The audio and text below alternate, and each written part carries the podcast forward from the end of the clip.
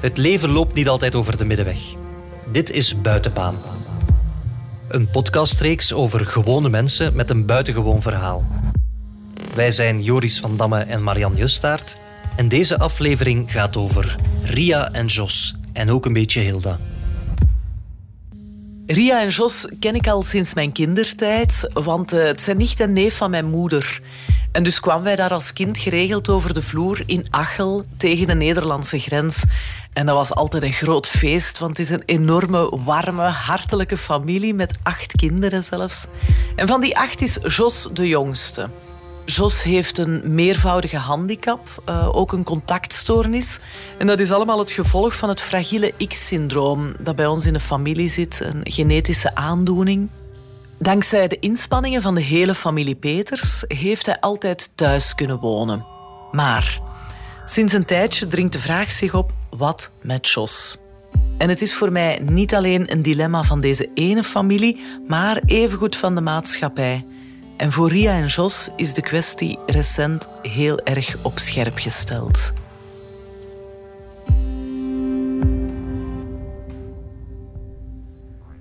Een paar schoenen kosten een euro, want dat is noodzakelijk.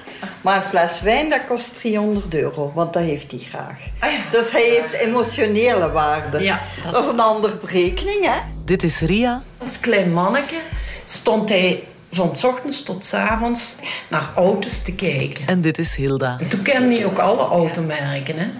Maar Jos heeft dus drie major points of interest waar hij alles vanaf weet. Dat is de Beatles, Grasmaaiers, snoeker en grasmaaiers. Hé hey Jos. Hé. Hey. Amai. Had jij dat gemaakt? Oh, was goed. Heb dat met Wim gemaakt? Jos is net afgezet door het busje van zijn dagcentrum. Ik zou zeggen, goedemiddag. En hij komt het huis binnengewandeld met zijn eeuwige rode pet op en een zelfgemaakte mand. Hé, hey, maar dat is wel schoon, hè? Amai. Hij heeft vandaag een demonstratie rietvlechten gehad. We zijn dus in Hamond-Achel in Limburg. En Jos is Jos Peters, 53 jaar, de jongste van de acht kinderen Peters. En hij woont hier in dit huis met Ria, de tweede oudste, die 65 is. Hey, we hebben geborgd met de koffie. Wil je ook een zetje? Ja, dan doen we jas zoet. Ria is mantelzorger van Jos. En je moet de mondmasker ook afzetten, jong. En zus Hilda is het knuffelcontact van de twee. Kende jij Marian? Ja. Ja? Dat ah, zo, hè? en die manier, hè, die werkt uh, ook voor de gezet. En dat, je hebt eigenlijk niet manier met Joris. Hè? Mm, en die gaat met zijn micro, hè, gaat je gewoon oppakken wat dat, en met zijn cassettebandje. Wat dat wil je zeggen? Ja. Ik denk dat al een jaar al op staat. Hè? Het staat er al op, jong. Hmm. Dan is het nog de stap gezet, hè. We hebben iedere avond daar vijf minuutjes over gebabbeld. Vijf minuutjes, niet continu door. En ten laatste heb ik deze morgen gezegd, je weet, deze avond komt ze. En toen heeft hij gezegd, krijg dan een portje deze avond. Hm? Voor wat? Zo van, ja, ja, hij, hij haalt er wel zijn strijd uit. Zo, hè.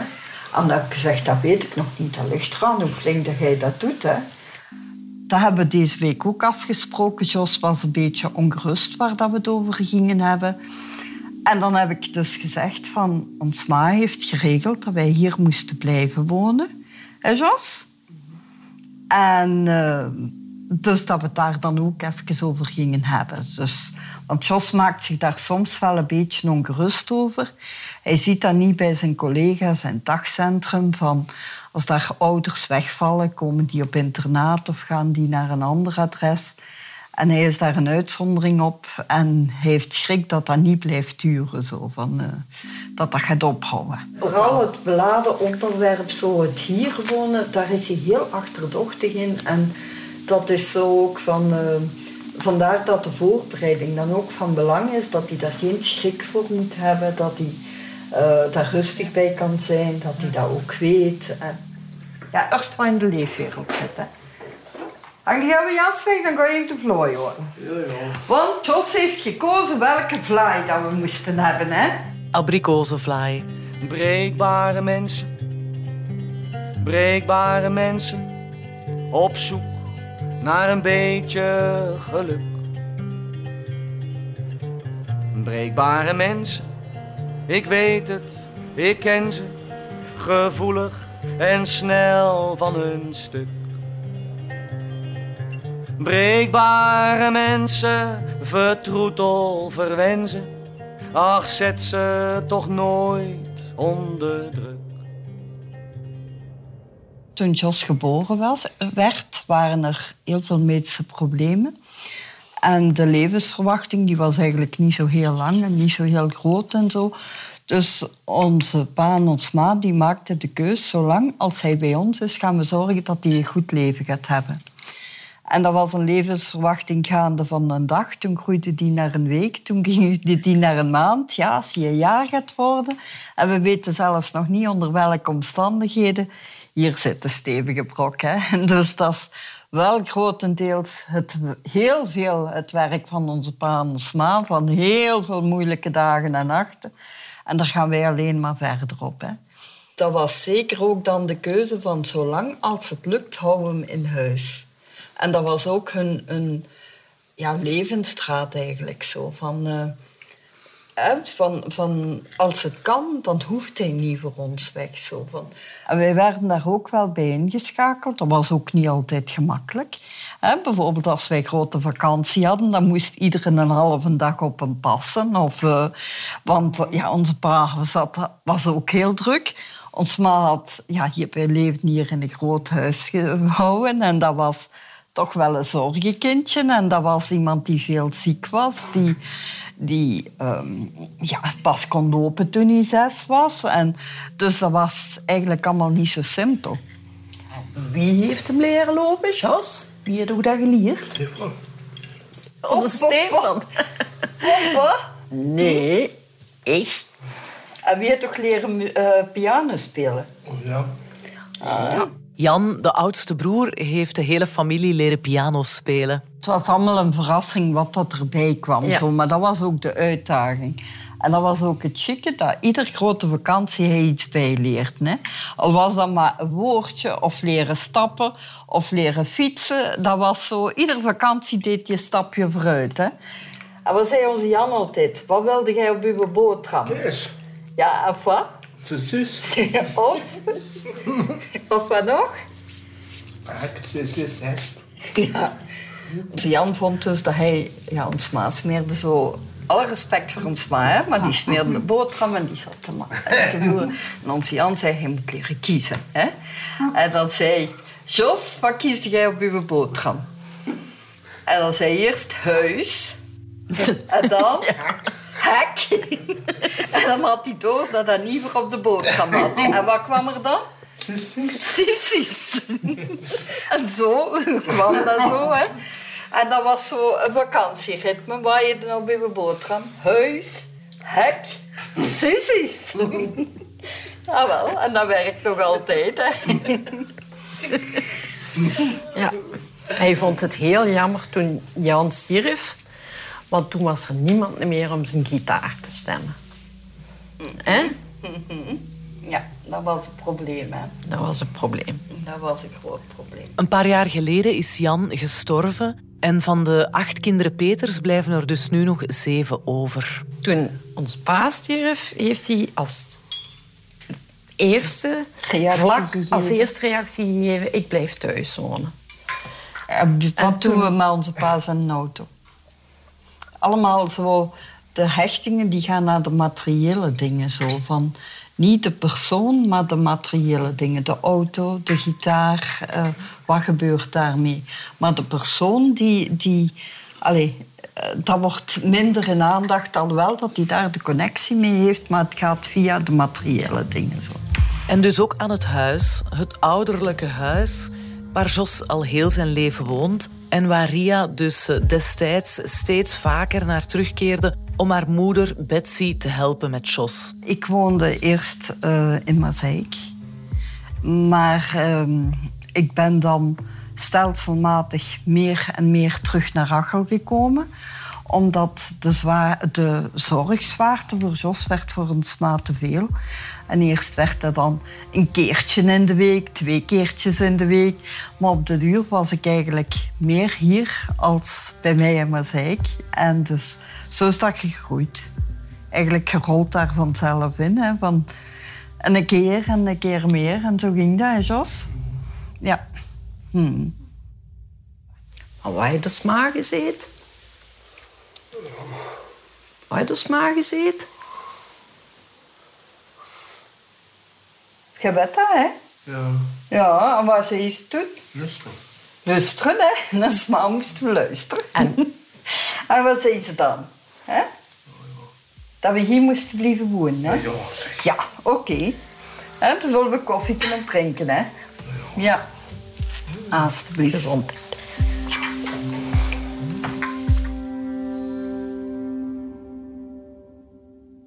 Hij is nooit, niet één enkele nacht residentieel geweest.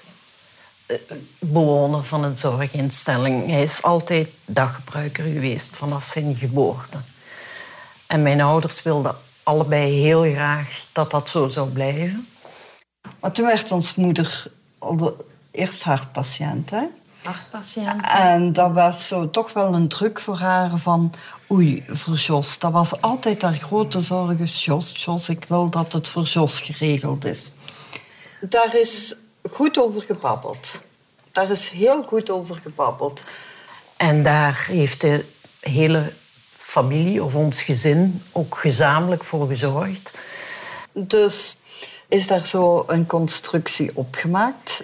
En dat heeft ons ma ook wel rust gegeven. Door eh, een, de opstelling van een testament waarbij levenslang vruchtgebruik van de woning is voor Jos en de verzorger van Jos, ongeacht wie het langst leeft.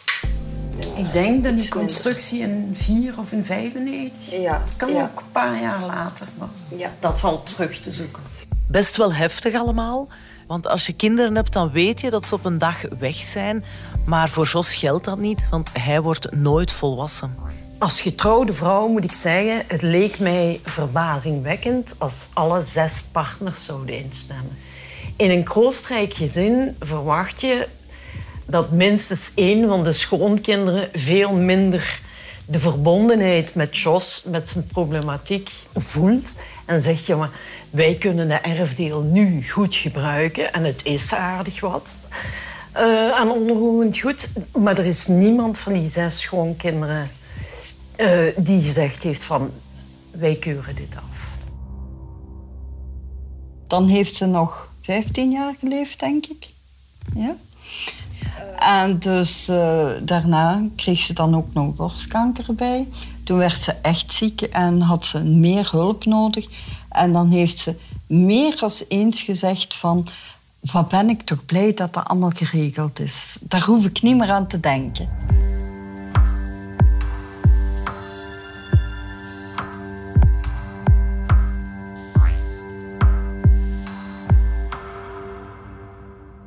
Als eerste heb ik de keuze gekregen, zou je dat niet willen? En zou je niet de zorg voor Jos willen opnemen? Ons ma werd ouder. Ze zei van, ik hoop dat ik lang genoeg leef totdat jij op pensioen bent. Zo van, dat was haar hoop eigenlijk. Tegen de tijd dat ik bah, naar de 50 ging, zo van, zei ze, zou je er toch niet over denken? Hè? Van, maar eh, ik heb daar langer dan een jaar over getwijfeld, want dat heeft heel veel consequenties. En ik was daar niet onmiddellijk klaar voor, dus ik heb daar mijn tijd voor genomen. En eh, toen ik dan zei van ik wil daar wel over denken en dat groeide naar een ja. Zo, het mantelzorg zijn, dat overkomt u. Je zegt niet ik doe dat, maar je groeit daarin, dat overvalt u. Totdat ons ma dan ja, uiteindelijk wegviel. En sinds daar ons ma niet meer is, ja, wonen wij onder ons twee. En dan hebben we een heel moeilijke periode gehad. Je zit A met uw verwerking, maar B, ik kreeg ook een nieuwe rol. Ik was vroeger het maatje. Hè? Van, ik zal maar zeggen, ons ma zei bijvoorbeeld, Jos, het is bedtijd. Maar dat was zo even rigide. Als de wijzer beneden staat, dan is bedtijd. Maar als dan de voetbalmatch nog tien minuten duurde of zo, dan zei ik, och, die tien minuten. Maar nu was ik degene die moest zeggen, het is bedtijd. En dat werd niet zomaar aanvaard. Dat was niet simpel, dat werd een strijd. Maar uiteindelijk zijn we gewoon de strijd gestopt en zijn we 14 dagen naar zee gegaan. zijn we naar zee gegaan. En daar hoefde ik niet te zeggen, het is bedtijd. Want daar konden langer en dan konden blijven liggen totdat je wakker werd. En uh, dan konden s'avonds een glaasje gaan drinken waarvoor dat je goed sliep en zo. En dan zijn we daar op vakantie geweest samen met tante Annie. En dat maakte dat zij lang bleven uitslapen s'morgens. Dat ik kon gaan wandelen. Dat, kon, dat we, dit was voor mij ook deugddoend zo. En toen we terugkwamen was de strijd gestreden. Had ik mijn rol verdiend. En die rol is niet te onderschatten. Ik denk, moest ik een gezin hebben gehad, dat ik het ook niet kon. Het samenleven is niet zo simpel, moet ik zeggen. En dat zijn heel domme dingen. Wij moeten op bepaalde vaste uren eten. Of er moet niet meer gegeten worden, want dan is de etenstijd voorbij. Zo, ik moet hier met bepaalde structuren, dat ik zelf al een half autistje word. Zo van die vaste structuren, die moeten echt inbouwen om het vlot te laten lopen. Als je geen vaste structuur biedt, dan heb je een heel rigide gedrag en dwangmatig. En dan wordt het pas moeilijk. En in een huisgezin kun je die vaste structuren niet bieden. Ria, vrijheid beperkt zich tot de uren waarop het busje s morgens met Jos vertrekt, tot het uur dat het busje met Jos terugkomt. Maar voor haar betekent het dus collega's, sociaal leven. Dat geef ik allemaal op in het bewustzijn dat ik geen enkele avond meer vrij zal hebben.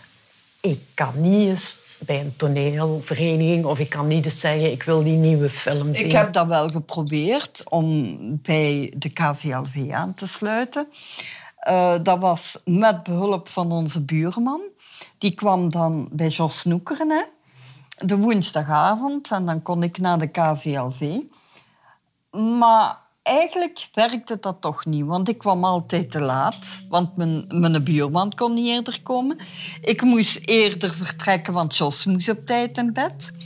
Op dinsdag gingen we wandelen en dan zat ik al te jagen, ik moet om vier uur thuis zijn. Maar de andere vrouwen, dat is nu onze enige namiddag dat we eens uit zijn. En die willen dan nog een tasje koffie gaan drinken en een tweede tasje. Maar dat kon niet, want ik moest op tijd thuis zijn. Dus en dan moet je de keuze maken van ik heb gekozen voor Jos, maar zij niet. Dus dan stop ik ermee. Maar dat maakt het wel moeilijk zo. Als nu uh, bijvoorbeeld een vriendin of iemand belt van uh, ga er niet mee ergens iets eten, dan zeg ik ja, je krijgt de keuze. Uh, voor coronatijd weliswaar. Je krijgt de keuze, ofwel maak ik iets hier, ofwel breng ik Jos mee. Maar het kan niet anders. Nu, ze kon zich dan toch niet inbeelden dat zij, ja, als alleenstaande en eigenlijk iemand die altijd opvoedster is geweest, nee zou zeggen tegen haar eigen broer. Mijn eigen broer in de steek laten om anderen te helpen, dat was ergens een knoop die, die voor mij heel moeilijk was. Zo van, uh, hoe kan dat nu? Op mijn werk zorg ik ook voor andere mensen. Maar moest ik vooral groepsgericht denken. Van waar voelt de hele groep zich goed bij? En nu is het individueel gericht, alleen naar Jos. En dat maakt het soms gemakkelijker, maar soms ook moeilijker. zo van, je moet al oppassen dat je niet verwent, dat je niet... Hij is wel verwend hoor, maar... uh, dus dat dan niet de spuigaten uitloopt. En hij verwent mij ook, hè. Dus zij wil er al een mand maken. Je hebt het juist gehoord. Hè? Samenleven met Jos is een uitdaging, maar als het één ding niet is, is het saai. Maar zo zijn we hem ook in Leuven in de gasthuisberg kwijtgeraakt. Hè? Dat is de vrouw. Terwijl we koffie drinken en fly eten, blijven de anekdotes komen, de ene na de andere. Ria en Hilda kunnen niet stoppen met vertellen over alle stoten die Jos al heeft uitgehaald. We, we moesten met de hele familie bij professor Freins. We pakken twee liften en de tweede liftdeur sluit en we zien onze Jos toe maar Jos loopt altijd twee meter achterop om een totaal overzicht te hebben. Dus, En onze Jos zegt nog, hoi. En dat ging de deur. en ons ma in paniek. Die werd blauwer En- per seconde. En Frans was boos op ons. Op ons, hè? Die zei, dat is niet de fout van Jos of van uw moeder. Maar van jullie allemaal. En vervolgens riep hij de bewakingsdienst van Gasthuisberg op. En die moesten allemaal zoeken naar een jongen met een rood petje en, En een map boekjes met van een... de grasmaaier zonder zijn arm. Dat was het signalement op de gasthuisberg. Met boekjes van de grasmaaier en een pet op zijn hoofd. Maar ons ma had de tijd ervoor op de gasthuisberg gelegen. En hij had altijd op de lift knopjes mogen duwen. En naar beneden, dat was de O van Jos. Want hij kan dus geen cijfertjes lezen. Dus, en hij had al de knopjes maar geduwd totdat hij een O van Jos had. En zo ging hij iedere keer van boven naar onder, van boven naar onder... in de hoop dat je ons ergens zag. Maar ondertussen waren wij een hele gasthuisberg aan het afzoeken. Ik heb daar in het magazijn met kleren gezeten. En ik ben er buiten gezet door iemand die zei... je mocht hier niet komen. Ik zeg, jong, ik zoek niemand, hè. En dus op den duur was hij aan het totaal uitgeraakt. Want hij was dus aan de O van nul gekomen. En dus hij had zelf zijn plan getrokken. Jos is nu helemaal onttooid en hij komt vier zijn foto's tonen. Ria en hij maken van alles en nog wat foto's en die dienen als externe harde schijf voor Jos. Dat noemen we dus een uitwendige harde schijf. En dat is het middel voor Jos om contact te leggen. Hij is soms al moeilijker verstaanbaar. En aan de hand van de foto's kun je een verhaal opbouwen. En, en Hij heeft zo heel veel albums. Terwijl Joris en ik naar de foto's kijken, zoekt Jos samen met Ria het Beatles-nummer op dat hij ons wil laten horen. Wie moet er back, get back gewoon? Jojo, hè? Hij heeft foto's van zijn snoekertafel, van zijn nieuwe snoekerballen die hij drie jaar geleden gekregen heeft toen hij 50 jaar werd. dat van toen hij 50 werd. En natuurlijk ook van al zijn Beatles, cd's en gadgets enzovoort. Hij vroeg dus nieuwe snoekerballen. De droom van iedere man, nieuwe ballen voor zijn 50ste verjaardag. Dat waren snoekerballen. Dat is nog een tafel. En toen van... Eerste, de hardste werker van allemaal. Nee, de inspecteur. Ziet, dat was de houding van onze pa. Wie is de inspecteur? Een inspecteur, kijken met de handen op de rug, handen niet vuil maken en kijken, je nucht komen. Mag ook vragen of daar nog iemand anders koffie Nee, dank. Dat was de houding van pa. Voor wat dient de haaksken hier aan uw snoekertafel, Jos? Daar stond die stok in te leggen. Ah ja, de, de houder voor de keu. Ja. Ja, en voor de kam en het kruis. En hier de nieuwe doek. Hè? En dat is een kop. Ja. ja. Is met nagels De ingeklopt. nieuwe doek. Dat was een nieuwe. Ah ja. Ja, ja. Dat moet, want die, die wordt heel hard gespannen, dus die scheurt als ze die losmaken. En Dat is is er hier eerste. aan het oefenen? En dat is zijn uitnodiging. Hij gaf een open deur voor broers en zussen. En ging het van in het begin goed? Ja. Laken perfect? Amai. Amai. En niemand mocht eraan komen dan, waarschijnlijk. Ah, zeg, je zijn wel goed geëquipeerd. Hè. Ja, dat staat ook nog bij, denk ik. hè. Ja, onze Jan staat er ook nog bij. Toen in maart vorig jaar de coronacrisis uitbrak, kreeg Ria de keuze. Ofwel moest Jos een residentieel gebruiker worden in plaats van een daggebruiker. En dus ook overnachten in het centrum. Wat ook betekende dat Ria hem niet zou kunnen bezoeken. Ofwel moest hij dan thuis in de thuisbubbel blijven 24-7. Dat moesten in één keer gaan beslissen. Nu, voor mij was dat niet moeilijk. Dat was evident dat hier ging zijn. Dat was, daar heb ik niet over getwijfeld. En dat was een zomerperiode en Jos vond dat heel chic. Hè? Jos heeft daar echt van genoten. En hoe meer dat ze zeiden van zoveel besmettingen meer en uitbraak hier en uitbraak daar, dan zei Jos, ja, gelukkig. Wie was een afgod? Naar wie luisterde jij altijd? Ja, nou wie zag jij Als het over corona gaat. Mark van Ranst.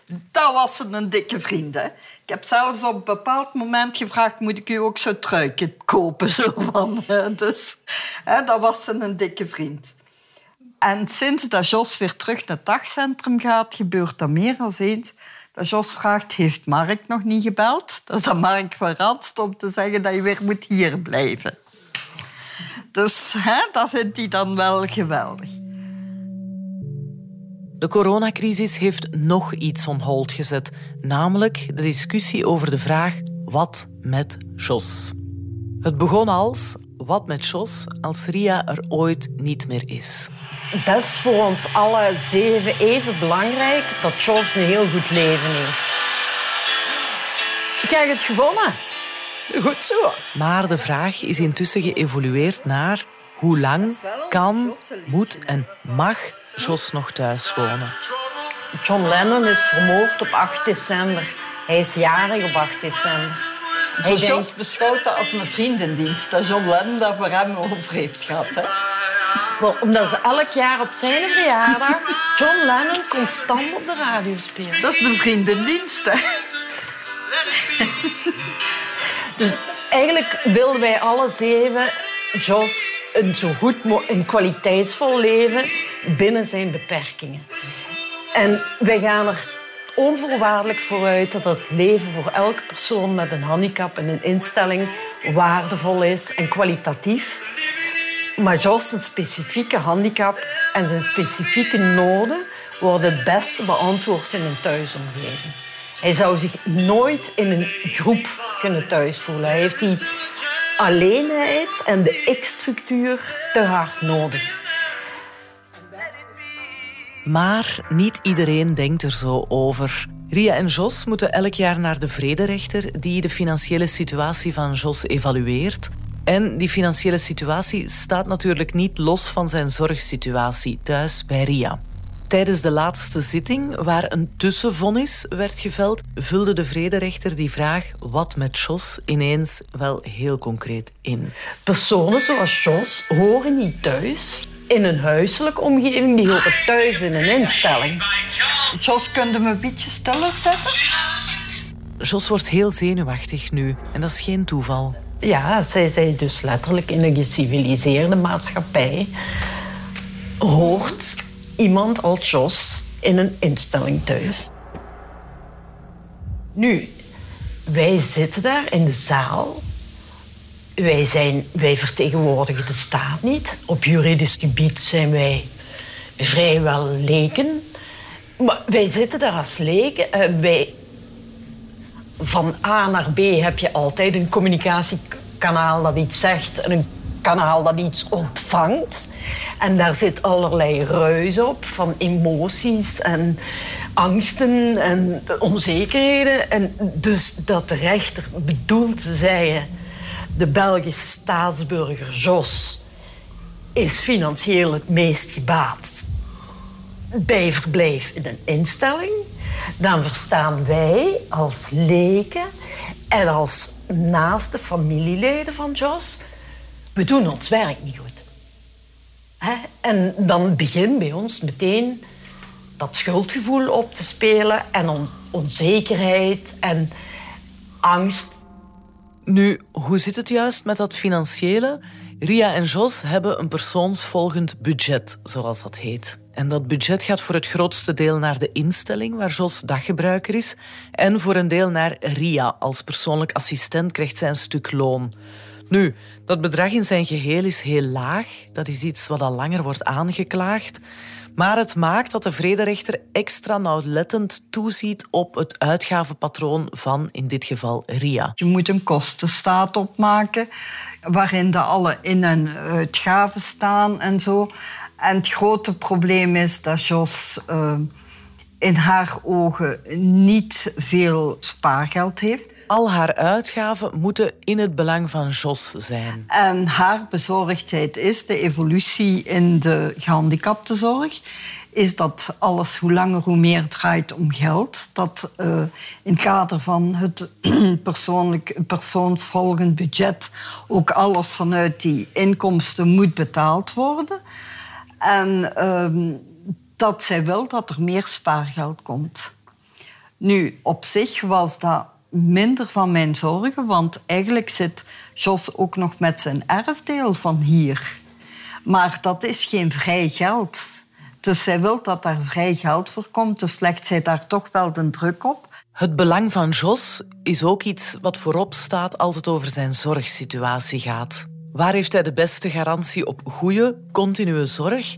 In een instelling. Zo luidt de redenering van de vrederechter. En dat is niet zo bij familie of een mantelzorger, want zo'n fysiek persoon kan wegvallen of misschien zelfs te kwader trouw zijn. Als de wet voorschrijft dat familie een variabele en dus onzekere factor is in de continue zorg van Jos tot aan zijn overlijden, dat een instelling dan meer aangewezen is dan een familie. Want een familie bestaat uit mensen en dus veilbaar. Terwijl de Belgische staat een rechtszekerheid heeft. Dus dat is het vonnis van de rechter uit hoofde van haar functie. De vrederechter vindt dat in een geciviliseerde maatschappij het niet meer zou moeten dat broer of zussen zich opofferen om voor een broer of zus te zorgen. Maar ik heb niet het gevoel dat ik mij opoffer. En ik heb ook niet het gevoel dat Jos een slachtoffer is. Want ik heb het gevoel dat Jos een meerwaarde heeft van hier te zitten of hier te zijn. En dat maakt dat het soms wel moeilijk is.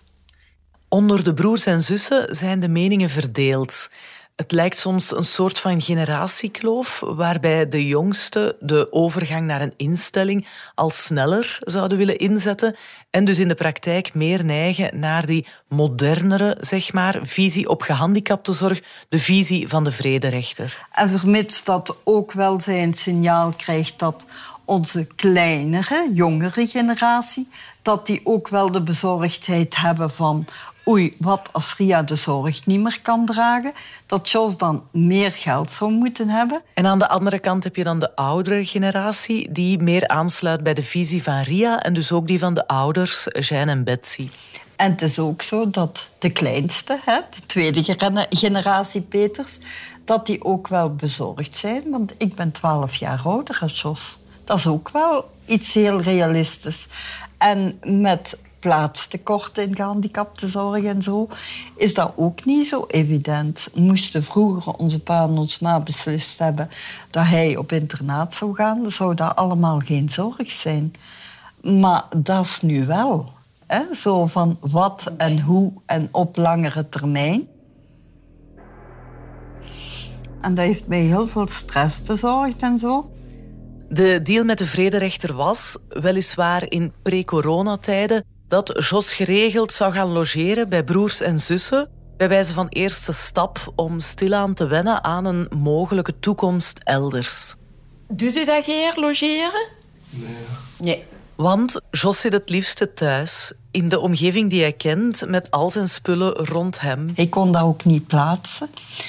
En we waren ongehoorzaam naar ons maan. Vandaar dingen zo luisteren, just. Dat was een reactie die je daarin moet kaderen. Het is moeilijk om als buitenstaander een oordeel te vellen over wat nu echt het beste is voor Jos. Maar het is wel duidelijk dat de hele situatie weegt op Ria. Ik had wel ehm, ook heel veel steun vanuit de instelling, die ook wel tegen problemen gebotst waren. En ik liet ook duidelijk merken, het, het valt mij niet goed en ik kan daar niet goed mee om.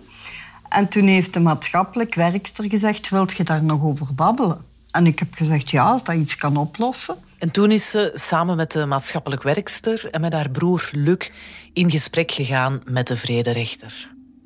Ze heeft ook duidelijk aangegeven dat dat haar drijfveer is van ehm, te zorgen. Het land wil geen onkosten voor haar, van hem hebben.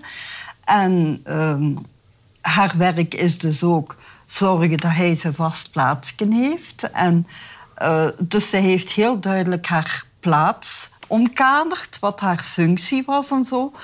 Maar echt begrippen en steun heb ik niet ervaren. Ja, je werd niet gehoord eigenlijk. En je voelde je onmacht. Dat, dat, allez, dat maakt het heel moeilijk. En zij is echt wel gespecialiseerd naar gehandicapte opvang. En zij is heel dikwijls geconfronteerd met ouders die wegvallen. En oei, er staat zo'n type op de straat en wat nu? En haar job is dus dat het land geen last met hem gaat hebben. Dat dat allemaal vlekkeloos verloopt. Maar ja, het land. Maar het feit dat ik wel de steun kreeg vanuit de instelling, dat maakte dat ik mij wel zekerder voelde van ik ben wel goed bezig. Want je zou je op een duur schuldig gaan voelen en denken dat het uit eigen belang was. En allee, dat maakt het voor mij wel heel moeilijk. Zo, van, van, uh, maar die steun, dat heeft mij deugd gedaan. Dat wel. Die steun ervaart Ria als steun voor haar visie op zorg. Wat in de tijd van haar ouders, Jeanne en Betsy, zo gewoon was. Dus thuis een gehandicapt persoon blijven verzorgen. Dat wil Ria nu ook blijven doen, met hulp van buitenaf, zoveel als nodig is. Nu, ik hecht mij nog altijd aan minister Van Deurzen. Dat die zei van... Ehm, de stap naar een instelling moet niet onmiddellijk. Er zijn ook nog tussenstappen. Dus je kan ehm, thuishulp, je kan persoonlijk assistentschap, je kan een verpleegsterverzorging.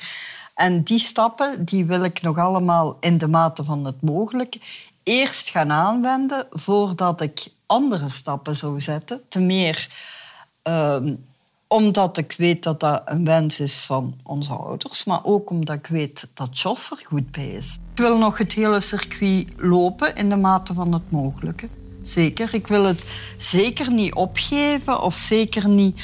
Uh, vooral omdat hij er zich goed bij voelt. Dat is mijn drijfveer. Het is niet voor mij of voor mijn comfort of mijn gemak of mijn inkomsten of ik weet niet wat. Maar het is, hij voelt er zich goed bij en ik meestal ook wel, zal ik maar zeggen. Dat is ook wel nodig. Ik weet dat het niet de reguliere werkwijze is als ik vergelijk met iedereen. Maar ehm, het gaat goed. Waarom zou het dan veranderen?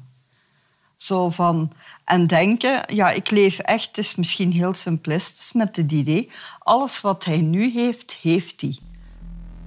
Ik heb eigenlijk de keuze moeten maken, ik heb maar één prioriteit niet meer in het leven en dat is dat.